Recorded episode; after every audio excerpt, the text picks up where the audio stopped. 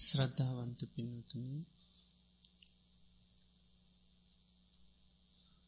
ලෝතුරා බුදුරජාණන් වහන්සේ අපේ ජීවිතය අවබෝධ කර ගැනීම සඳහා උන්වහන්සේ විවිධ විදිහේ ජීවිත දිහා බලන්න ක්‍රමවේදයන් අපිට උගන්නලා තියෙනවා. විශේෂයෙන්ම මේ ජීවිතය දිහා උන්වහන්සේ සාාවකයෝ බලන්නෝනී ප්‍රධාන කාරණයක් හැටිට පෙන්නෙනවා හේතු පල දහම හැටියට මේ ජීවිතය දකින්න කියලා. අද මේ වෙලාවේ අපි කියල දෙන්න කැමති බුදුරජාණන් වහන්සේගේ දේශනය ඇතින නතුම්හ කියලා නතුම්හ කියන්නේ ඔබගේ නොවේ කියන එකයි. නායම් භික්වේ කායෝ තුම්හාකං මහනන මේ ජීවිතය කියන්නේ ඔබගේ නොවේ. නාපි අඥ්ඥේ සං වෙනත් කෙනෙකුගෙත් නෙවේ. පුරාණමි දම්භික්කවේ කම්මම් එක පරණ කර්මයක් කියනවා. අභි සංකතම් එක සැකස්වෙත්තික අභි සංචේත චේතයිතන් චේතනාවත් තුළින් හැදිච්චේ එකක් වේද ඉතන් දට්ටබ්බම් මේ ජීවිතේ දකිින්ට තියෙන්නේ විඳුව විඳුව තමයි දකිින්ට තියෙන වේදනාව තුළ තමයි දකිින්ට තියෙන්. එතකොට අපේ ජීවිතය ගත්තහාම දැන් අපිට මේක අපිට අයිති දෙයක් අපිට පාලනය කරන්න පුළුවන් දෙයක් වගේ තමයි සාමාන්‍යින් ජීවිතය දිහා බැලුවාම පේන. වැටහෙන්නේ තේරෙන්නේ හඳුනාගෙන තියෙන්නේ අයිති දෙයක් හැටියටයි. ඒකට බුදුරජාන් වන්ස පෙන්න්නන්නේ සංඥා විපල්ලාස. පාලනය කරන්න තමාට ඕනුවට හසුරන්න බැරි දෙයක් ඒ වගේ ආන්න පේනවා මේ ජීවිතය හසුරුවන්න පාලනය කරන්න පුළුවන් කියලා. තොට මෙතන උන්වහන්සේ දේශනා කරනවා මේ ජීවිතය කියන්න එන්න තුම්හාකං ඔබගේ නොවේ කියනවා. අයිතිත්වයක් පාලනය කිරීමේ හැකියාවක් මේ පංචුපාදානස් කන්දය තුළම නෑ. එක වෙලාවකදී සච්චක කියන නිදන් නිගන්ට කෙනෙකුට උන්වහන්සේ පෙන්නනවා මේ රජ කෙනෙකුට පුළුවන් තමන්ගේ රට ඇතුළ ඉන්න මනුස්්‍යයන්ට විවිධ දෙයක් කරන්න. රජ කෙනෙකුට හැකියාවතියෙනවා. මරන් ඕනියය මරලදාන්න ඊළඟට මේ එලවන්ඩ ඕනිය එලවන්න නිර්ධන කරන්න ඕනය නිර්ධන කරන්න ඕන්නම් පුළුවන් රජ කෙනෙකුට ඒ කැමති දෙයක් කරන්න පුළුවන්. නමුත් ඒ වගේ අයිතියක් කිසිම කෙනෙකුට තමන්ගේ පංචුපාදානස් කන්දය දිහා පංචුපාදානස් කන්දයට පාලනයක් කරන්න බෑ. පංචුපාදානස්කන්දය නිතරම හේතු හට ගැනීමෙන් හටගන්නවා හේතු නැතිවීමෙන් නැතිවරයනොම සක්ක කාටවත් පාලනය කරන්න බෑ. රූපයවත් වේදනාවත් සංඥාවත් සංකාර විඤ්ඥාන කියනමේ උපාදානස්කන්ද පහම කාටවත් ඕන විදිහට පාලනී කිරීමේ හැකියාවක් නෑ හේතු සකස් කිරීම තුළ යම්යං සකස්වීම් තියෙන ඇරෙන්ට පාලනය අත්තුරින් කරන්න පුළුවන් දෙයක් නැහැ. ඒකයි සිත වනත් එහෙමයි අනකරලපා මේ හිත පාලනය කරන්න බෑ හේතු හදලා සිත පාලනය කරන්න පුළුවන්. ඒ නිසා උන්වහන්සේ දේශනා කරනවා මේ ජීවිතයකයි ඔබගේ නොවේකි නොම්. ඉළඟට මේක වෙන කෙනෙකුගෙත් නොවේ.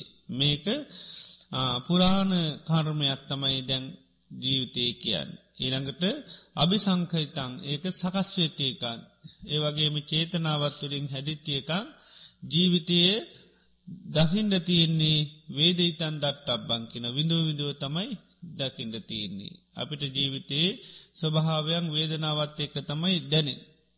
වේදනාවත් එක තමයි දැනෙන්නේ එතන තමයි අපිට නිතරම ජීවිතය හැම දෙයක්ම දැනෙන තැන.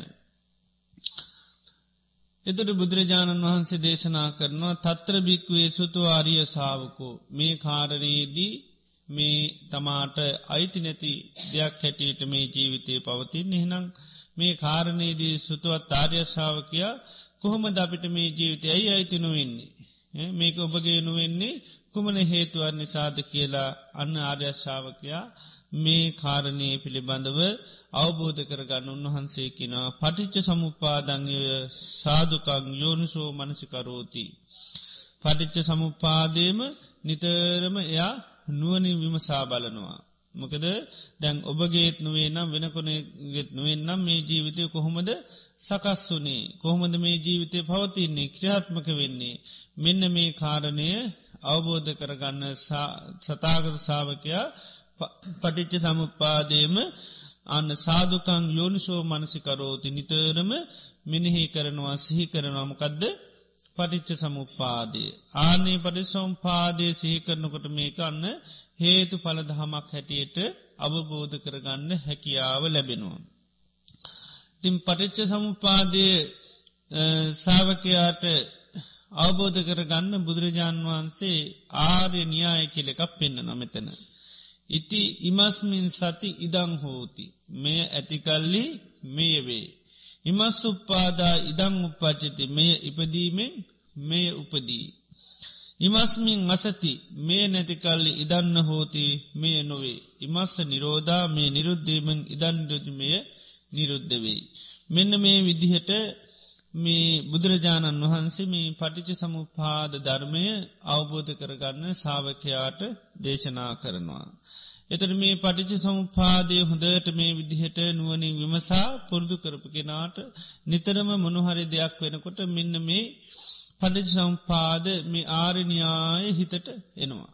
මොනුහරයාවත් ඉමස්මින් සති මේ තියෙන නිසා තමයි වෙන්නේ. ඉමස් උපාදා මේ ඉපදුනොත් අනිවාරය මේක උපදිනවා. එනිසා හැම දෙයක් පිළිබඳව දේවල් සකස් වෙනකොට යාට හේතු පල දහම තමයි මතක් වෙන්නේ. ඉති නිසා මේ පටිචම්පාත් ධර්මයන් මෙන්න මේ විදියට නිතර යෝනිසෝ මනසකාරයේ ඒ දෙන්න සාාවකයාට පෙන්න්නනවා. යදිදං අවිද්‍යාපච්චයා සංකාරා සංකාරපච්චයා විඤ්ඥානම් විඤ්ඥානපච්චයා නාමරූපන් නාමරූපච්චයා සලායතන සලායතන පච්චයා පස්සු පස්සපච්චයා වේදනා වේදනාපච්චයා තන්හා. තන්හා පච්චයා උපාදානං උපාධානපච්චයා බහු. බෞපච්චයා ජාති ජාතිපච්චයා ජරාමරණන් සෝක පරිදේව දුක්කදෝ මනසුපායාසා සම්බවන්ති. එතකොට මේ ඉපදිච්චි ජීවිතයට සෝක පරිදේව දුක්කදෝ මනසුපායාස කියන මෙන්න මේ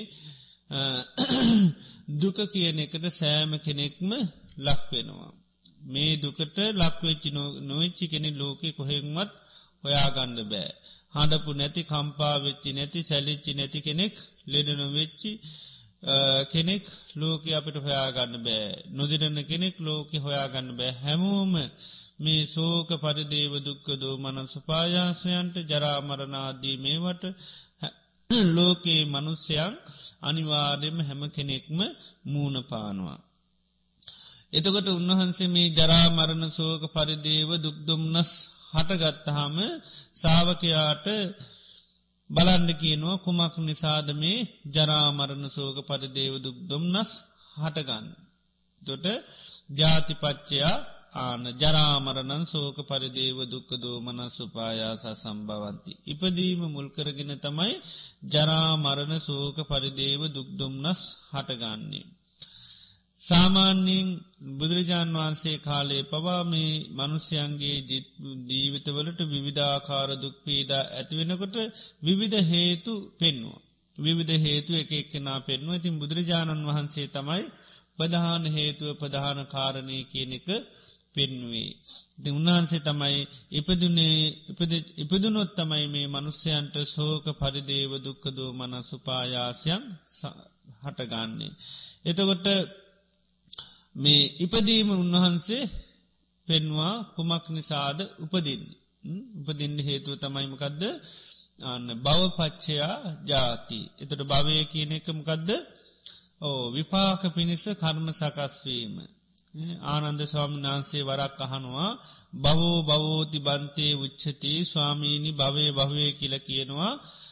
කුමන කරනුකින්ද මේ භවය කියලා කියන්නේ. එතෝට පෙන්න්නනවා කාමධාතු වේපක්කං චහානන්ද කම්මන්නා භවිස්සති අපපුනිකෝ කාම බවෝ පඤ්ඥායති. කාමධාතුවේ විපාක පිණිස. කර්ම සකස්වීම ආන්න තමයි මේ භවය කියලා කියන්න. කාමලෝක ඉපදීමට කර්ම සකස් වනානම් ආනෙතන කාම් භවයක් සකස් වෙනවා. ඒ වගේ රූපලෝකේ අරූපලෝකේ ඉපදීම් පිණිස කර්ම සකස් වනානං ඒක තමයි අන්න භවය කියලා කියන්නේ. එතට භවය සකස්වීම තුළ තමයි නිතරම අන්න ඉපදීම තියෙන්නේ. එතන මේ දැන් අපිට සකස් වෙලා තියෙන්නේ මන භවේද කාම භාවේ දැන් ඒ නිසාපි කාම භාවේ ඉපදිලා ඉන්නවා. ඒ නිසා ඉපදිති නිසාපි අන්නර සෝක පරිදේව දුක් දුම්නස් අනිවාරයෙන්ම විඳිනවා. එතකොට බුදුරජාණන් වහන්සේ පෙන්න්නන මේ භවය කියන එක කුමක් හේතුකට කරද භවි හටගන්නේ. ඕ උපාදාන පච්චයා බහු උපාදානය මුල්කරගෙන තමයි භවි හටගන්නේ. ඉතුර උපාදාන කියත්ති නොද හතරයි. කාමුපාදාන දිට්ටි උපාදාන සීලබ්බත උපාදාන සහ අත්තවාද උපාදාන. උපාදානය කියනික තමයි බැඳිල යනවා හිත. හිත බැඳිල යනවා කාමයට හිත බැඳිල යන එකට කියෙන කාමුපාදාන රූප සද්ධ ගන්ධ රස ස්පර්ශවලට අපේ හිත නිරන්තරයම බැඳිල යනවා. ඒ තුළට බැඳිල යනවා. ආනේ නිසා ඒ හිත කාම කාමයට බැඳී යාම තුළ නිතරම භවය හැදෙනවා. ඊළඟට සමාරලාට කෙනෙක් කාමේ අතහැරිය නොඒකාකර දිට්ටි දිිෂ්ටිවලට බැඳිල යනවා. දිට්ටි උපාදාන වෙනවා. එතකොට මොකද වෙන්නේ ඒ තුළත් භවය හැදෙනවා. සමාරය කාමය පරිහරණය කරන්නේ. එවනාට සීලබුත උපාදාන ආනය සීල උතවලට බැඳිල යනවා. ඒ තුළත් භවය හැදෙනවා. දැන් බුදුරජාණන් වහන්සේගේ කාලේ සමාරාගංවල කියන්න මේ ඔක්කොම පෙරකර්ම නිසා තමයි වෙන්නේ. ඒ නිසා මේ පෙරකර්ම තපස් කරලා අයින් කරන්න ඕනි. කම්මක්කයා දුක්කක්කය කර්මේශය වුණොත්මකද වෙන්නේ? දුක නැතිවෙනවා. ඒ නිසා වර්තමානයේ කර්ම නොවෙන විදිර ජීවත්වෙන් ඕනි කියලා සත්තු වගේ ජීවත්වෙනවා. බල්ලං වගේ සමාරය ජීවත්වෙන යටකින සුනකවුත කියලා ඊළඟට හරක් වගේ ජීවත්වන ගෝවත කියලා කියනවා. ඒ විදිිය වුත සමාදංග නමකද ඒ හිතන ඒ විදිහට සත්තු වගේ ජීවත්වන මේ අය ආන පව් කරගන්න ඇතකොට ඒගේ ඒ පෙර කර්ම අර වර්තමානය කරන දරුණු තබස්කන් නිසා ආනක නැතිවෙනවා කියලා ඊට පස්සෙමකත කරන්න අර ඒ විදිහට කටයුතුක ඉති බුදුරජාණන් වන්සේ කියනවා කෙනෙ බල්ලෙක් වගේ ජීවත්වෙන නංගේ බල් ලගි තියෙන ආකල්පයා දියුණු කරන්න ඕනි. එතොට මොකද වෙන්නේ මරණින් මත්තේ සමාරලාට ගිහිල්ලා බල්ලෙක් වෙලා උපදිනවා. එයා හිතනවනම් බලවුතු සමාදං වෙලා තමන් විමුත්තියක් ලබන්ඩ හෝ ස්වර්ගයකට යන්න කියලා එතොට මොකද ඒක මිච්චා දිට්්‍යයක් කියනවා. ඉති මිච්චා දිට්ටි තියෙන කෙනාට ගති දෙකයිෙක්කො තිරිසං වෙනවා එහම නැත්තං නිරේ ගිහිල්ල පුදිනවා කියනවා. හිති ඒවිදි ඒකයි අර ඒවගේ සීලවතුවලට බැඳලා ගියත් ඒත්මකද වෙන්නේ.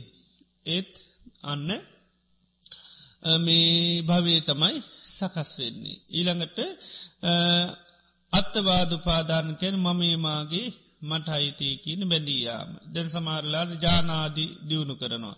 නමුත් ඒ ජානයමකද කරන්නේයා අන්න මම මාගේ මට අයිතිය කියලා ඒකට හිත බැඳිල යන එතරමකද වෙන්න ඒත් අන්න භවය කියන එක සකස් වෙනවා. ඉතිේ නිසා කොහොම කරත් ලේසියෙන් කෙනෙකුට එහෙම ගැලවෙන්න පුළුවන්කමන්නෑ. මොකද මේ උපාදාන හිතේ තියෙන තාකල් භවයක් මිසක් නැවතරවීමක් වෙන්න නෑ. උපාදාන මේ හතරේම නැතිවේ චිදාග තමයි නැතිවෙන්න බූුණ. ඒකයි සබ්භූපති පටිින් සිරු රහතන් වහන්සන සීරු පාදානයන්ගේ මිදිච්චි අය. ඒ නිසා තමයි උන්වහන්සේලාට භවයක් සකස් වෙන්නේ නැත්ති. උන්වහන්සේලා කිසිම උපාදානයකට හිත බැඳිරයන්නේ නෑ. ඉති මේ නිසා උපාදාන පවත්වන තාකල් උපාදානය තියෙන තාකල් හිත බැඳිර තියෙන තාකල් හැදෙන්නේ භවයේ. එත උපාධානය බුදුරජාන් වහන්සේ පෙන්නවා කුමක් නිසාද උපාදාන වෙන්නේ තන්නහා පච්චයා උපාදාන. ඇලෙන නිසා තමයි බැඳින්. ඇලෙන නිසා තමයි බැඳෙන්නේ. එතෝට තන්නහාාව ඇලීම කියනක තියෙන තැන තම හිත බැඳල යන්නේ. එතොට තන්නහාව බුදුරජාණන් වහන්සේ පෙන්නෙනවා සයාකාරයකට රූපවලට හිත බැන්නෙනවා සද්ධවලට ගන්ධවලට රසයට පහසට සිති විදිවලට කියනමේ සලායතනයන්ගෙන් හටගන්න අරමුණුවලටම හිත බැඳෙන එකට රූප තන්නා සද්ධ තන්නා වසේ හඳුන්නනවා. එතොට තන්නාවේ ස්වභාවේ තමයි මොකද ආයායමත් පුනර්භවය කියන එක ඇති කරලා දෙනවා. එතකොට යම් වෙලාවක තන්නහාවක් සිතේ හටගන්නවනං ඒ තන්නාවත් ඒක මොකද වෙන්නේ උපාදාන තමයි සකස් වෙන්නේ. ඒ නිසා යම් අපේ හිතේ ඇලීමත් තියෙනවනං ඒ ඇල්මත් එක්ක බැඳීම තමයි තියෙන්නේ. එතොට මේ තන්නාව කියනක බුදුරජාණන් වහන්ස පෙන්න්නන ඒකත් හේතු සහගතු හටගන්නේ තන්නා වටගන්නේ වේදනාපච්චයා තන්නහා. විනීමක් තියෙන හින්ද තමයි තන්නහාවක් නිතරම හටගන්නේ. තර වේදනා මේ විදීමක් කියල එකත් නැත්තං අන්න තන්නහාව කියනක හටගන්න නෑ නිතරම වේදනාව සකස් වෙන්න ඕනේ ආසාාවක් හටගන්න. විඳීමක් ඇතිවෙන්න ඕනේ. සාමාන්‍යයේ දේක දීවනත් එහෙමයි දැන් අපි කෑමම්බීම කලේකට ගන්න ගියොත්තේම සමාර කෑම අපිට මොක දෙන්න පොඩ්ඩක් කණ්ඩ දෙනවා එතරමක දෙන්නේ. ආන වේදනා පච්චා තන්නහා. එතට තමයි ආන්න කැමැත්තක් ඇතිවෙන කැමැත්තක් ඇතුනහට පස තම ඒක අපි ගන්න. එති ඒ නිසා හැමදේ තුළම ඒක තියෙනවා බඩුවක් ගන්න ගියත් ඉඳ ගන්න පුටුවක් ගන්න ගියත් අප ඉස්සල් ඉඳ ගන්නවා පුටි.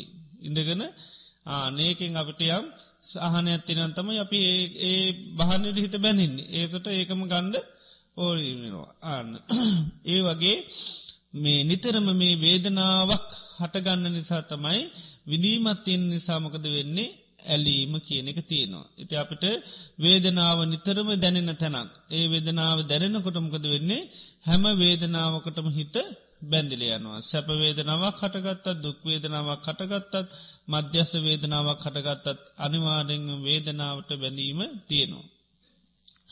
ඒ වේදනාවට ඇලෙනකොට මොකද වෙන්න හිත ඒ තුළම බැඳිල යන එතකොට භවය කියනක සකස් වෙනවා.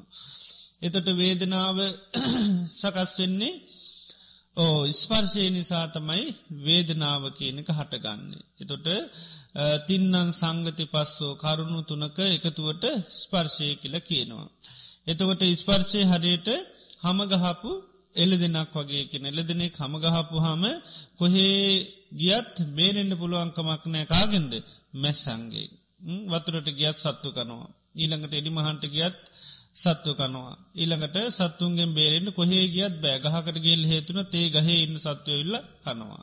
ආනේ වගේ ස්පර්ශය අවබෝධ කර ගන්න කියනවා. නිරන්තරයෙන්ම ඉස්පර්ශයෙන් තොරෝ වාසය කන මොන හරි දෙයක් ස්පර්ශ වෙනවා. ස්පර්ශවීම තුළම සිද්ධ වෙන්නමකක්ද එක්ක සැපක් හටගන්නවා එක්ක දුකක් හටගන්න එක්කෝ මධ්‍යස භාවයක්. සැප හටගත්තත් දුක හටගත්තත් මොකක් හටගත්තත් හිත ඒකට මොකද වෙන්නේ ආන ඇලෙනවා ඇලිච්චි තැන බැඳෙනවා බැඳෙනකොට ආන්න නිතනමු මේ භවී තමයි සකස්වෙන්නේ. එතකොට මේ ඉස්පර්ශය නිතරම හටගන්නමකදද සලායතන පච්චයා පස්සු. ආයතන හය පවතින නිසා ආයතන හයස්ම ක්‍රියාත්මක වෙනකොට මොකද වෙන්නේ ඉස්පර්ශය අනිවාරයෙන් වෙනවා. ආයතනයක් හටගත්තනම් ආනෙතන ඉස්පර්ශය කියනක වෙනවා. එතොට මේ සලායතනය කියල කියන්නේ දුක නිර්මාණය කරල දෙන තැන. ආයතනය කියලපි බාහිර ලෝක කියන්නේ යමක් හදල දෙන තැනට ආයතනය කියල කිර තුර මේ ඇස කනාදමේ ආයතන උත්සේ තමයි දුක කියන එක නිතරම නිර්මාණය කළ දෙන්න. ඒ නිසාමකට සලායතනය කියලා බුදුරජාන් වහන්සේ දේශනා කරන. මේ තුළ තමයි මේ සංසාර භවගමන අපිට නිතරම හදල දෙන දුක හදල දෙන තැන. එතට සලායතන සකස් වෙන්නේ ආන නාමරූප හටගෙත්තොත් තමයි ආන්න සලායතන හටගන්නේ. එතට නාම රූප ධර්මමනවද සතර මහා ධාතු තමයි රූප. ඊළඟට වේදනා සංඥාචේතනා පස්ස මනසිකාර තමයි නාම ධර්ම. එතට මේ නාමරූප සකස්වීම තුළ තමයි නිතරම මකද සකස් වෙන්නේ? සලායතන. නාමරූප යම් වෙලාව හටගත්තනම් ආන්නේ වෙලාව සලායතන හටගන්නවා සලායතන හටගත්ත ගමන් ස්පර්ශය වෙනවා. ස්පර්ශය හටගත්ත ගමන් වේදනාව කියන එක සකස් වෙනවා. එතකොට නාමරූප ධර්ම නිතරම එකට තමයි තියෙන්නේ. මොකද තනි තනියෙන් නාමරූප ක්‍රියාත්මක වෙන්නේ නෑ රූපයට තනියමුත් බෑ නාම ධර්මවලට තනියනුත් බෑ. දෙක එකට තමයි නිතරම ක්‍රියාත්මක වෙන්නේ. දෙක එකට ක්‍රියාත්මක වෙන්නේ. එතට මේ නාමරූප වෙන්වෙන් වසයෙන් කතා කරන්න නිතරම එකටමකද මේ සලාතනයන් ක්‍රියාත්මක වෙන්න මේ නාමරූප නිතරම එකතුවීම තමයි තියෙනෙතින් අපි පෞගේ දසල කියල් දුන්න මේ නාමරූප කියන්නේ හරියට ආයතනයක ඉන්න සේවකයොයි අධ්‍යාශක මණ්ඩලය වගේ. ආයතනය යමක් නිස්පාදනය කරන්න මේ සේවකයොයි අධ්‍යශ්කය එකතු වෙලා තමයි නිත්‍රම දේවල් කරන්නේ. ආන්නේ වගේ තමයි මේ සලායතනෝසේ තමයි නිතරම ඇහැ ක්‍රියාත්මක වෙන වෙලාවේ ක්‍රියාත්මක වෙන්නේ. මේ ආයතන ක්‍රියාත්මක වෙන්නේ මේ සලායතනය මේ නාමරූප හටගත්ත වෙලාවක. එතොට නාමරූප හටගන්නේ කුමද විඤ්ඥානය ආන විඤ්ඥානය හේතුකටගෙන තමයි නිතරම නාමරූප හටගන්න. එතොට විඤ්ඥානය පෙන්න්න නගරේස්වා මේ ආයතනයක ප්‍රධානයා වගේ. තොට ප්‍රධානයත් ඕනි නිතරම අර ආයතනින් යමක් සකස් කරන්න. එතොට මේ අධ්‍යශක මණ්ඩලයයි ඉළඟට සේවකයෝයි නගරේ මේ ආයතන ප්‍රධානයයි කියන තුන්දලම එකතු වෙලා තමයි යමක් නිස්පාදනය කරලා එලියට දාන්නේ. ආනේ වගේ තමයි මේ මේ සලායතනත් මනද නාමරූපත් ඒ වගේම විඤ්ඥානය කියන මේ තුනේ එකතුව නිසා තමයි හැමවෙලේම අපේ සලායතනය කියනක ක්‍රියාත්මක වෙන්නේ. තොර විඤ්ඥානයත් බුදුරජාණන් වහන්සේ පෙන්නෙනවා ඒකත් හේතු සහගතව තමයි විඤ්ඥානය හටගන්නේ ඒ තමයි අන සංකාරපච්චයා විඤ්ඥානයන්.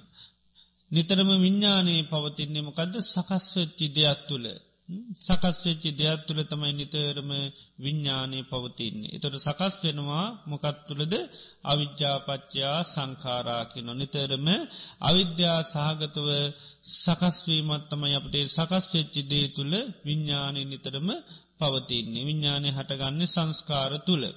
එතොට මේ හේතු පලදහම සාාවකයා නිතරම අවබෝධය සඳහා යෝනිසෝ මනසිකාරය යෙදෙන්ඩ කියන. දැම් මේ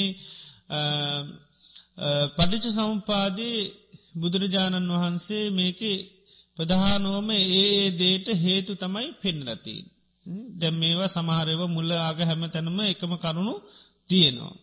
එතට මෙතනදී බුදුරජාණන් වහන්සේ විශේෂයෙන් පෙන්නන්නේ ඒ දේට ප්‍රධාන හේතුව. එතෝට අපි ගත්තොත් වේදනාවට ආසන්නම කාර්යම ගදද ප්‍රධාන හේතුම ගදද අන්න පස්ස පච්චයා තමයි වේදනා. වේදනාව ස්පර්ශ. දැන් අපි ජාති කියනකොට සමාරලාට මේ ඔක්කොම කියලා තිීන් ජාතිය කියනක තෝරනකට ඔක්කෝම තියනවා එතන. ඒ තමයි කන්දානම් පාතු භාවෝ ආයතනානම් පටිලාබෝ ඉස්කන්ත කියනකොට එතන රූප වේදනා සංඥා සංකාර විඤ්ඥාන ඒටිකොක්කොම කියලා. ඉළඟට සලායතන කියනකොට ඇස කණනාසේ දිවසරේරය මනසමය ඔක්කොම කියලා. එතකොට ජාති කියනකොට හැම කරුණක්ම එතන තියෙනවා. හැබැයි මෙතනදී පෙන්න්න මේ පරිසම්පාද ඒ ඒ දේට ප්‍රධාන හේතුව. ඉපදීමට ප්‍රධාන හේතුවමකක්ද භවය. එතට වේදනාවක් හටගන්නකොට ප්‍රධාන හේතුමකක්ද ස්පර්ශය. නාමරූප හටගන්න නම් සලායතන විඤ්ඥානය හටගන්න නිතනම අන්න සංස්කාර සකස් වෙච්චි දෙයක් තුළ තමයි විඤ්ඥානතර පවතින්නේ. එතෝට ඒ දේට ප්‍රධාන හේතු තමයි පෙන්න්න උපාදාන වෙන්න නම් ඇල්මත් තියෙන්න්නු ඇල්ම හටගන්න වේදනාව නිසා.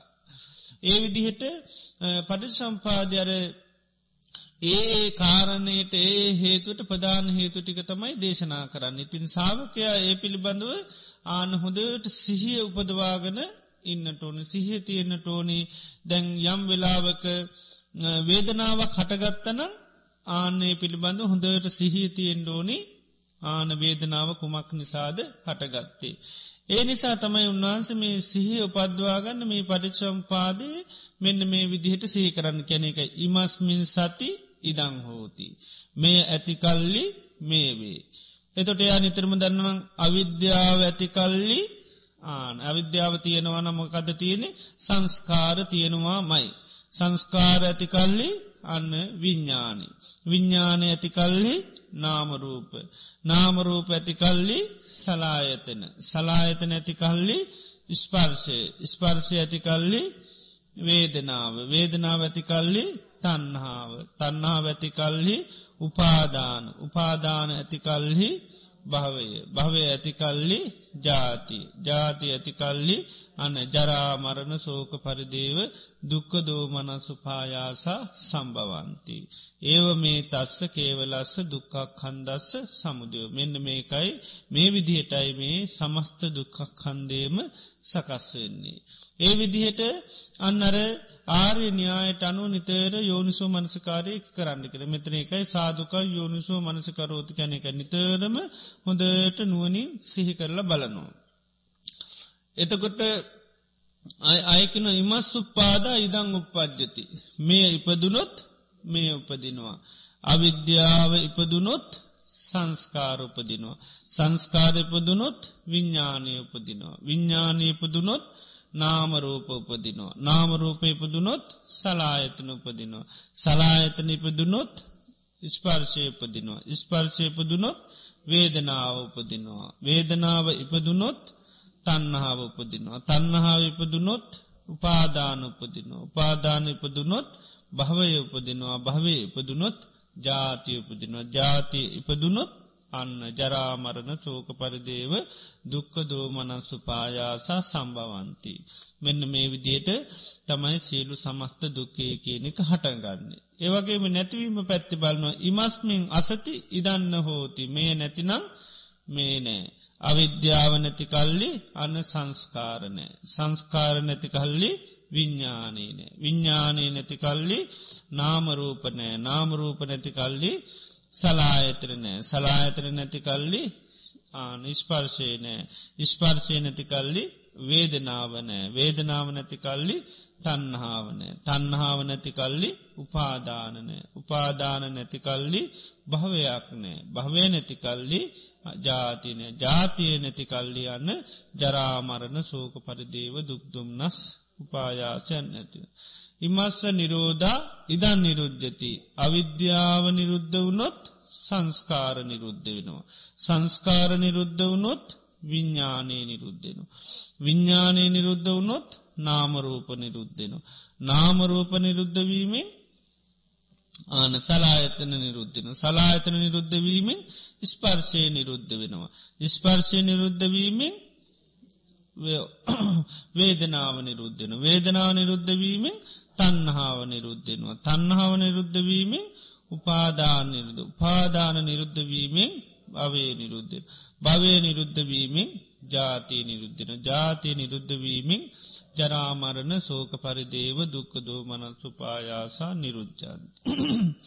දැම් මේ පරිච සමුපාද ධර්මය කියන්නේ බුදුරජාණන් වහන්සේ අවබෝධයෙන්ම දේශනා කරපු එකක්. මේක දුක හටගන්නේ කොහොමද කියන පිළිවෙල උන්වහන්සේ දැන් මේ සාාවකයාට දේශනා කල්ලා තියෙන දැම් මේක උන්වහන්සේ අවබෝධයම දේශනා කල්ලා තින් මේ විදිහටම තමයි වෙන්න. ඉති මේක තමයි දැන් සාාවකයෝ අවබෝධ කරගන්න ඕනි. දැන් අපිට තියෙන්නේ හදපු මාර්ගය යන්නද අපි මාර්ග හදානය අන්න ඕනිද. ඕ හදපුමා ඒකන සාාවක කියලා කියන්න නේද සාාවකයා කියන්න බුදුරජාණන් වහන්සේ අවබෝධ කරපු පිළිවෙලට අපිත් ආන්‍ය අන්ඩෝඩි දැන් ගණන් අපිට දෙනවනේ. දැන් ගණන් හදන ක්‍රමේ කියලා දෙන ඒකමට හදනවා අපට ඕනි දීට හදනවා. කියල දුන්න විදිහට නේ දහදන්නේ කියල දුන්න විදිට හදනට ආන උත්තර එනවා.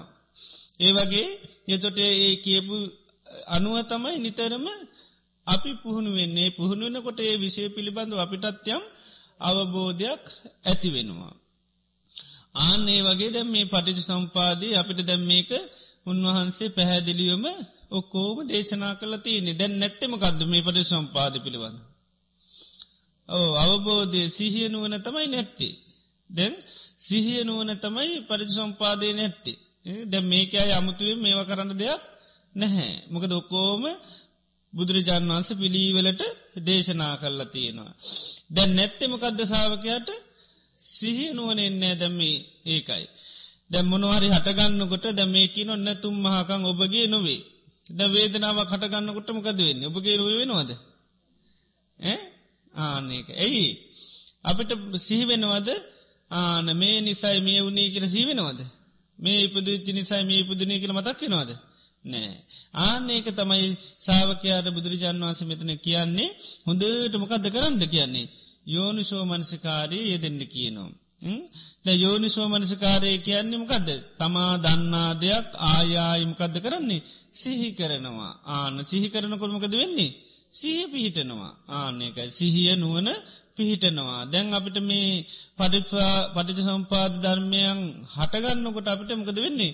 සිහිවෙන්නේ නෑ ආනකයි මේ මම බලවා මට දකිනවා මට දැනෙනවා කියන ඇරෙන්ඩ ආන මේක නිසාමයකුණා කියලා සිහ පිහිටන්නේ නැහැ. ඉතිං ආනේ සීහපුදුව ගන්න තමයි බුදුරජාණන් වහන්සේ මේ පටිච සම්පාදයකයි සාධකං යෝනිසුව මනසිකරෝතු හොඳට සිහි කරන්න කිය නොකොහොමද ඉමස්මින් සති දංගොතු මේ ඇතිකල්ලී මෙහෙවේ. ආනේ විදියට නිතර සීකරන්න සීකරන්නමකද වෙන්නේ කාලයක් යනකොට යාට ආන වේදනාවක් හටගන්නකොට ආනර්ණයා යායට මතක් වෙනවා මකදද මේ ඇති කල්ලි මේ වනමකදද ආන්න පස්ස පච්චයා වේදනා ආනකයි. ඒ නියා එතමයි යාට එක යාරිනියා යායට නිතරම සීවන. දැන් සෝතා පන්න වෙනකට මේ ආරිනියා යායට හොඳටම ආනවබෝධ කරගෙන තියෙන්නේ. ඉතින් සෝතා පන්න වෙන්න නැති අයමකද ඉස්සල්ල කරන්න ඕනි? මේක ආන සද්ධාව තුළ රුචිය තුළ අනුස්්‍රවනය තුළ මේ විදියට කල්පනා කිරීම තුළ ආන්න මේ සත්‍යය ආරශ්ා කරගෙන ඉන්දෝරි ද මේක සත්‍යයක්. ජීවිතේ දුකක හටගන්නා වූ ක්‍රමවේදම එක ඇත්තක්. ආනේ සත්‍යය මොකද මුලින් කරන්නඩු සච්ච මනුරක්කති සත්‍ය ආරශ්ා කරගන්නඩු නීට පසමයි සත්‍යය අවබෝධ කරගන්න පුළන් දැම් මේ ආරණයාය මේ ක්‍රමයට තමයි වෙන්නේ. ඒ තමයි මේ ඇතිකල්ලි මේවේ ඒක තමයි බුදුරජාන් වන්ස පෙන ආරණයාය ඒක තැන් සාාවකයා මුලින්ම කරන්න ඕනිම ගදද අමතක වෙන්නේ නැතිවෙන්න ආරශ්ා කරගන්න ඕන. ඉති ආරශා කරගන්න සද්ධාව රුචි අනුස්සවන ආකාර පරිවිතර්ක ඩිට්ටි නිජ්ජානක් කන්ති කියන පස් ආකාරෙන්තම ආරශා කරගන්න තියෙන්නේ. ඉස්සල්ලා මේක හොඳට පිළිගන්න ඕනි. උන්වහන්සේ කියනවා සද්ධහත මහනනි පරිසම්පාදම කියෙන මහන මේක පිළිගණ්ඩ. මේ විදිහට තම යාය වෙනදි විදිහ කරන වෙන්නේ නෑ. ඉති එනිසා පළමීම සද්ධහා පිහිට ගන්නනු දුක හට ගන්න ඕන මේ විදිට තමයි හටගන්නේ. අනක. අපිට තිය නිස්සල්ලාම මේ ධර්මය අහල හොඳර සද්ධාව පීටෝ ගණ්ඩෝඩ මෙන්න මේ කමේට තමයි දුක නිතරම සකස් වෙන්නේ. ආන එතකොට තමයි අවබෝධ කරගන්න පුළුවන්කම ලැබෙන්නේ. ද අපිට වෙලා තියෙනමකද මේ විදියට අපි පිළිගන්නේ නෑ අපි මොකද වෙන්නේ? ඉපදුනේ කොහොමද කියර හොයන්න යන. නේ දිපදිච්චි හැටිය හොයන්ඩ යනවා. ඒවතමයි අපි හොයන්ඩ යන්නේ. ඉති ඒතුවට මොකද වෙන්නේ පටි සම්පාදය මතරමං වෙන ඇරෙන්න්න වෙන දෙයක් වෙන්නේ නෑ. අපිට තියෙන්නේ දලවසේ මේ කාරණා පිළි අරගන සීහපුදවා ගණ්ඩයි. සීහපදවා ගණ්ඩයි තියෙන්නේ මකද මේ ධර්මය නිතරම උන්වහස මේ ක්‍රමවේද කියලති අපට තියනේ විදිර සහි කරන්න. දැ වාහනුවලර තියෙනවනේ මේ අරහෙටරෙන් මෙහටරෙන්ට කියෙන අපි ඒම හැල්ලයන්වරෙන් අපි මුණුක්කාන්ඩ යන්නේ නේද? පොඩි දැන් මීටර් තුන්සියක් ගියාට පස්සේ වමට දාන්න දකුන්ට දාන්න. ඉතින් කීපවිදිට පියනවා. ආනේ වගේ එතෝට මොකද වෙන්නේ කීපිදිර ගිපහමකොද යන්නේ. අවසි තැනට යනවා. එතට මේ ධර්මය කියන්නේ බුදුරජාණන් වහන්සේ සකස් කරලා තියෙන එකක්. අපිට තියෙනෙමකක්ද කීපිදියට යන්න විතරයි. මැප එකක් ගත්තොත්තේම අපි මොකද කරන්නේ මැප එක කීපිදිහට යනවා යනකොට ඉතින් අමාරුකන්තියනවා. යනකොට තම යහුවෙන්නේ කඳු පල්ලං අරෝම අහුවෙනවා. ඒ වගේ ධර්මයත් එහෙමයි බුදුරජාණන් වහන්සේ කියන්න මේක ස්වාකාතෝ භගවතා දම්මෝ මනාකොට දේශනා කරපිය එකක්. සන්දිිට්ටිකෝ මේ ජීවිතේම අත්දකින්න පුළුවන් එකක්. ඉතින් ඒ නිසා මේක මේ අපිට අයමුතුන් මේ පටි සම්පාදය විග්‍රහ කර කර මේ යන්න දෙයක් නෑ අපිට තියෙන මේ කියපු විදියට සී කරන්න විතරයි. ආනකයි. ඒක සාමාන්‍ය තේරුම පෙන්ලතිනවා. දැන් තන්නා කිනකට තන්නා හයත්තිනෝ කියල තින උපාදානකින උපාදාන හතරත්තින ඒටික කියල තියෙන්නේ. ඉති අපිට ඒටික පිළිබඳව දැනුම ඇති කරගෙන ඊට පස හොඳට සද්ධහපීටන් ඕනි මෙන්න මේ විදිර තමයි නිතරම දුක කියන එක සකස් වෙන්නේ. එතකොට තමයි නියම් යන් වල් ජීවිතයට ඇති වෙනකොට මන්න අපිට අර න්‍යාය මතක්කෙනවා මේ නිසා තමයි මේ වෙන්නේ ආන්න එක මේක නැතුවනොත් තමයි මේක නැතිවෙන්නේ. එතොට දුකත්තියන එතොට දන්නවා වේදනාවක් දැඩි තද බල වේදනාව කටගෙන තියෙන එයා දන්න එහෙනම් ස්පර්ශ නැතුනොත්තම මේක නැති නිස්පර්ශ තියනතාක් කල් තියෙනවා. ඉස්පර්සට අපි අන්තාද්ද බැඳෙන්නේ ඒ තාක්කල් මේ විඳීම තියෙනවා. ඉතින් ඒ නිසා එයාට නිතර මන්න අර යම් යන් අවස්ථාවලද ජීවිතයට මේ දේවල් සකස් වෙනකොට යා හැමවෙලේම දකින්න මෙතන ආනන තුම්හාකං ඔබගේ නොවේ කියනිකයි. එහෙනම් කාගෙද ආන හේතු නිසා තියෙන එකක්. නිතරම හැම දෙයක්ම හේතු නිසා තියෙන එකක් කිනවා. ජීවිතයට දුක කරදර පස් නැති වෙනවා. මානසික පීඩ නැතිවෙන එතකොටම සීවෙනම කක්ද. ආන්න මේ ඇතිවුණේ මොකක් නිසාත් ආ ජාතිපච්චයා නිපදිච්චි නිසා ඉමස්මින් සති මේ ඇතිකල්ලී නං අනිවාට මේක තමයි තියෙන්නේ ආනමක දේ තරමට යාට සීහ පිහිටනවා. මොකද මේ ඇතිකල්ලේ මේ වේ කියනකයා නිතරම් පුරදු කළ තියෙන්නේ. ඉපදීමක් ඇතිකල්ලී මකද තියෙන්නේ. ආන ජරාමරණ සෝක පරිදේව දුක් දුම්න්නස් වේ. මකද යට ඒ තරමට අර යෝනිසෝ මනිස්කාරය කරන්න කරන්න කරන්නමකද වෙන්නේ. සිහිය පිහිටනවා නුවන පිහිටනවා. එතට ඉපදුනේ ඇයි කියල සැකවෙන්නේ නෑ. ඇයි මට මේ සෝක හටගන්නේ කියන මුලාවට පත්වෙන්නේ නෑ. දැන් සාමාන්‍යයේ අයටමකද වෙන්න? දුක හටගන්නකොට මොකද වෙන්නේ? සම්මෝහවේ පක්ක මුලාවට පත්වෙන අනිත්තකමකක්ද පරියේටිත වේ පක්ක දුක නැති කරගන්න ක්‍රමවේදයක් බාහිරුව හොයනවා. අනි ඇයි මේ කෞද මගේ මේ දුක නැති කරගන්න? දෙය දැන් දන්නවා දුක් නැති කරන්න කොහොමද? කුමක් නැතිවුණොද්ද දුක් නැතිවන්නේ. ඉමස්මින් අසති දන්න හෝති උපතක් නැතිවුණොත්තමයි සෝක පරිදයව දුක් දුම් නස් නැතිවන්නේ. එයට ඒ තරමට සීහ පිහිටනවා. මේක නැතිවුණොත්තම මේක නැති නැත්තන් නැතිවෙන්නේ නෑ. ඉපදුනොත් අනිවාරෙන් තියනවා ජරාමන්න සෝක පරිදේව නූපදනුත් තමයි සෝක පරිදේව දුක් දුම්න්නස් නැතිවෙන්නේ. ඒනම් එයා දකිනවා දුක නැතිවෙන්න නම් මේ බාහිර දෙවල් කර කර ඉඳල හරියන්නේ නෑ. බාහිර දේවල් වලද ඒ මොහොතේ යම් සාහනයල්ල බන්න පුළුවන්. නමුත් මේක පස්්න විසින් දෙන්නේ නැහැ. පස්්න විසින් දෙන්න නම් මකද නැතිවෙන්න ඕනි? ආන්න මේ නැතිවුණොත් තමයි මේ නැතිවෙන්නේ ඉති ඒ විදියට ඒකයි ආරණයාය නිතරම හැම වෙලේ මෙයාට ආරණයාය පිළිබඳව සිහිය කියන එක තියෙනවා. සිහිය නුවන තියෙනවා. ආනේ සිහ නුවන උපදවා ගන්න තමයි අන්න මේ මෙතනදි කියන්න මේ කය ඔබගේ නොවේ වෙන කෙනෙකු ගෙත්නවේ මේක පරණ කර්මයක්. එතොට එයා අපිට දන්නවා දැම් මේ මේ අපි කර්මය නිසා යම් යම් දේවල් විඳිනවන අපි දන්න ඒවත් මේ පරිසම්පන්න හැදිච්චි දේවල්. පරිසම්පන්න හැදිචි දේවල් මකද පරිසම්පාද වර්තමානය අවබෝධ කරගන්න ක්‍රමයට තමයි අපි අතීතයටත් බලල බල දාන්න. ඒකට කියනවා අන්වේඥානය කියලා. වර්තමානය පරිසම්පාද අවබෝධ කරගත්තරන් ඒකට කියනම්කද දම්මේ ඥානය කියලා. එතොට දැන් අවබෝධ කරගත්ත විදිට තමයි යා අතීතයටත් බලන්නේ. දැම් අපි ජරාමරණ සෝක පරිදය දුක්විඳිනවනන් ඒ විඳින්න මොකක්ද ඉපදීම නිසා අතීතම්පි අද්දානං අතීතෙත් එහෙනම් ජාතිපච්චයා ජරාමරණං. අනාගතම්පි ආයුපිදුනොත්මකද වෙන්නේ. ඒත් අන ජාතිපච්චා ජරාමරණං. ඒ විදියටන්න මේ මොහොතේ අපි අවබෝධ කරගත්තනම් පරිසම්පාද ධර්මයක් ඒක අපි අතීතයට බලන්න පුළුවන් අපිට වේදනාවක් හටගන්න. එදොට දැම් මේ වේදනාව හටගන්නෙකු මද්ද පස්සපච්චය එහෙනම් අතීතම්පි අද්දානම් පසපච්චා වේදනා. ඉළඟට අය උපදිනවා අපේ තොට ඒ උපදින ජීවිතය විඳින්න වෙන්නමකින්ද.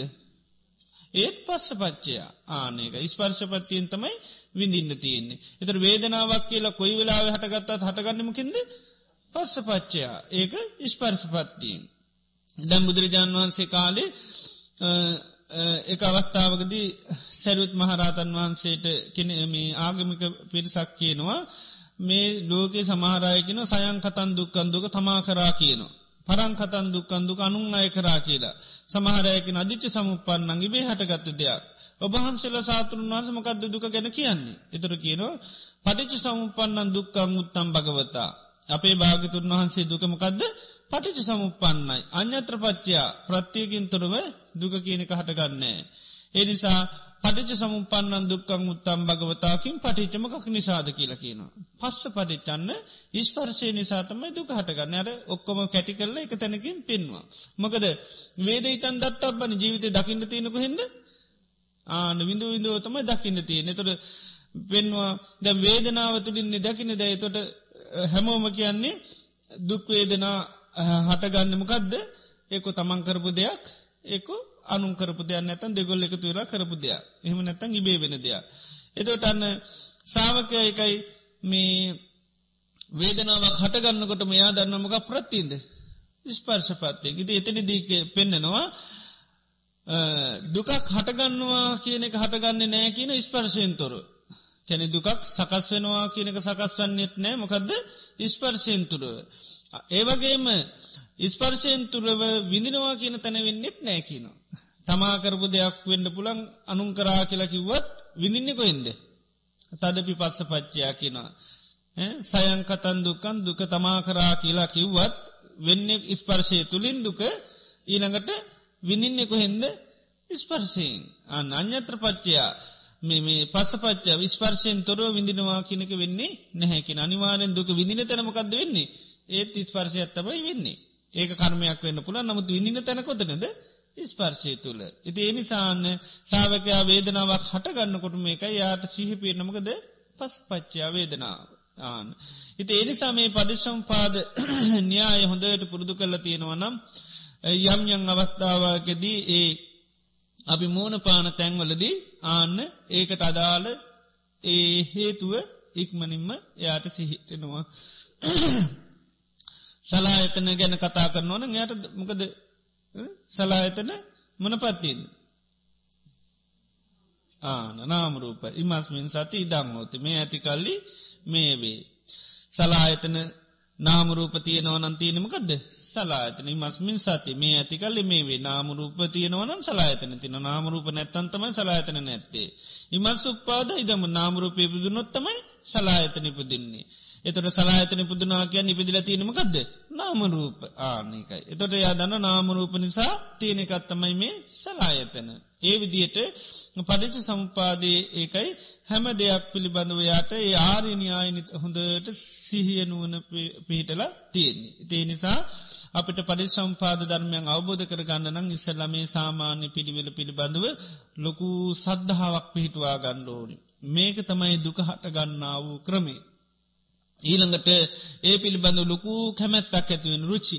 ඊළඟට අනුශ්‍රවනයක නැවත නැවත මේ පරිසම්පාදය ගැන අහන්න ඕනි. ඊළඟට අන්න ආකාර පරවිතර්ක මේ විදිහට අන්න ගලපල බලන්ඩෝ නිමස්මින් සති ඉදං හෝදී හිමස් උපාදා ඉදං උපජහන අවිද්‍යාවති කල්ලි අන්න සංස්කාරවේ සංස්කාර ඇති කල්ලි විඤ්ඥාන ඒ විදියට නිතරමයා සීකරනවා සීකරනු සීකරනුකට අර න්‍යායයාගේ අභ්‍යන්තිරිකුව අන්න මෝරලෙනු. සිහිය කියන්නේ ඇතුළේ මෝරලැන ඕනිය එකක්. ඉතින් ආන්නයාට සිහිය මෝරණය තොට යට දෙයක් හටගන්නකොට මේකයි සිහියනුවන ඉදිරියට එනවා.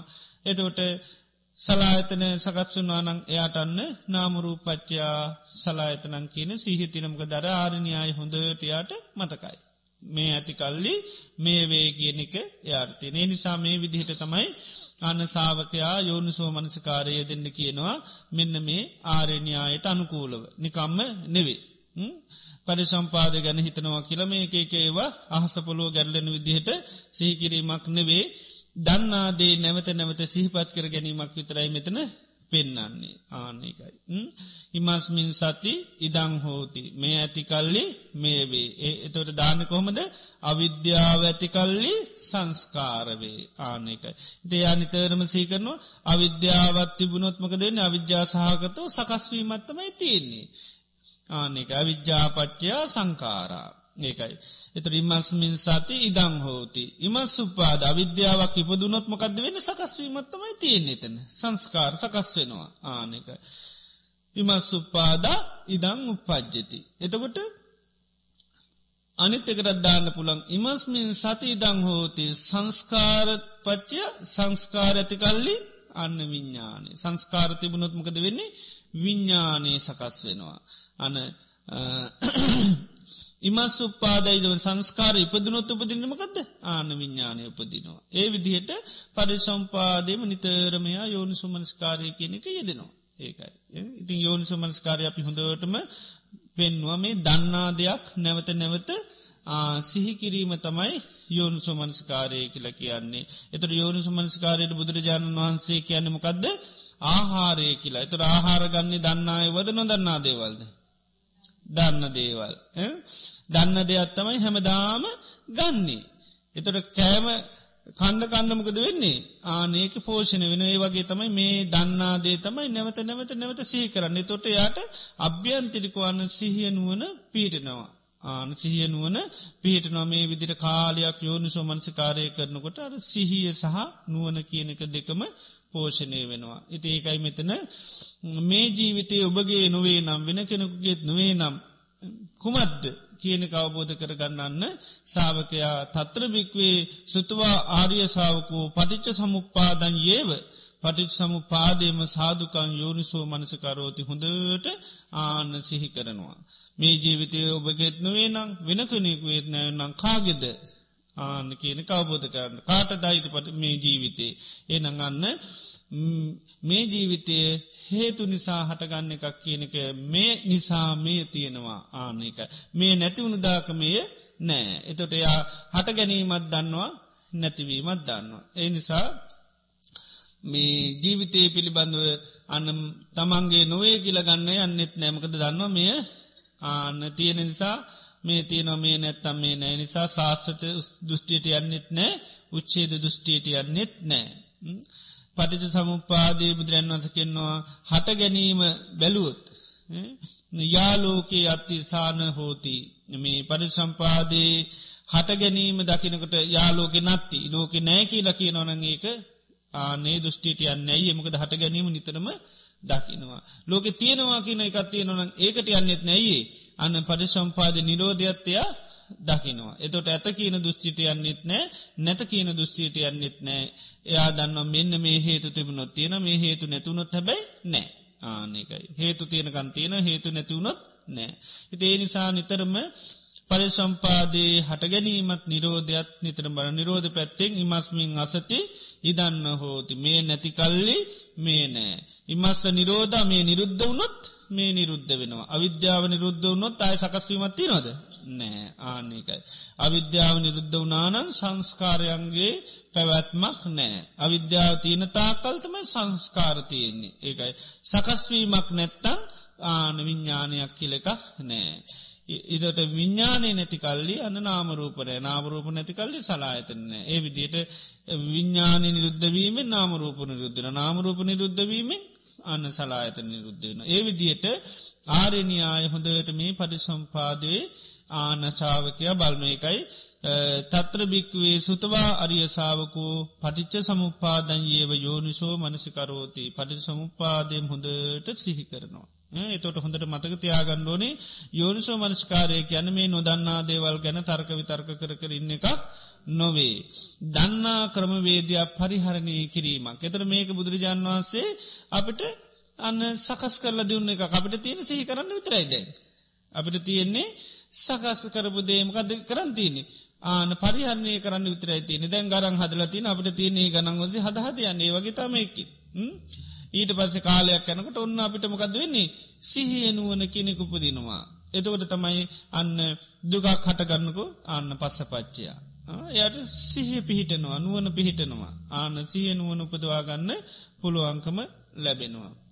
ඉතින් ඒ නිසා පුළුවන් හැම වාරයකදීම මේ පටි සම්පාදමේ න්‍යායට අනුව නිතරම සිහි කරන්න මේ ඇතිකල්ලි මේ වේ කියලා ඒ විදිට අපීළඟ භානවාරය පොඩ්ඩක් ඒක පුද්දු කරමු. එනං දැන් කවුරුත් වේ කරගන එන්න.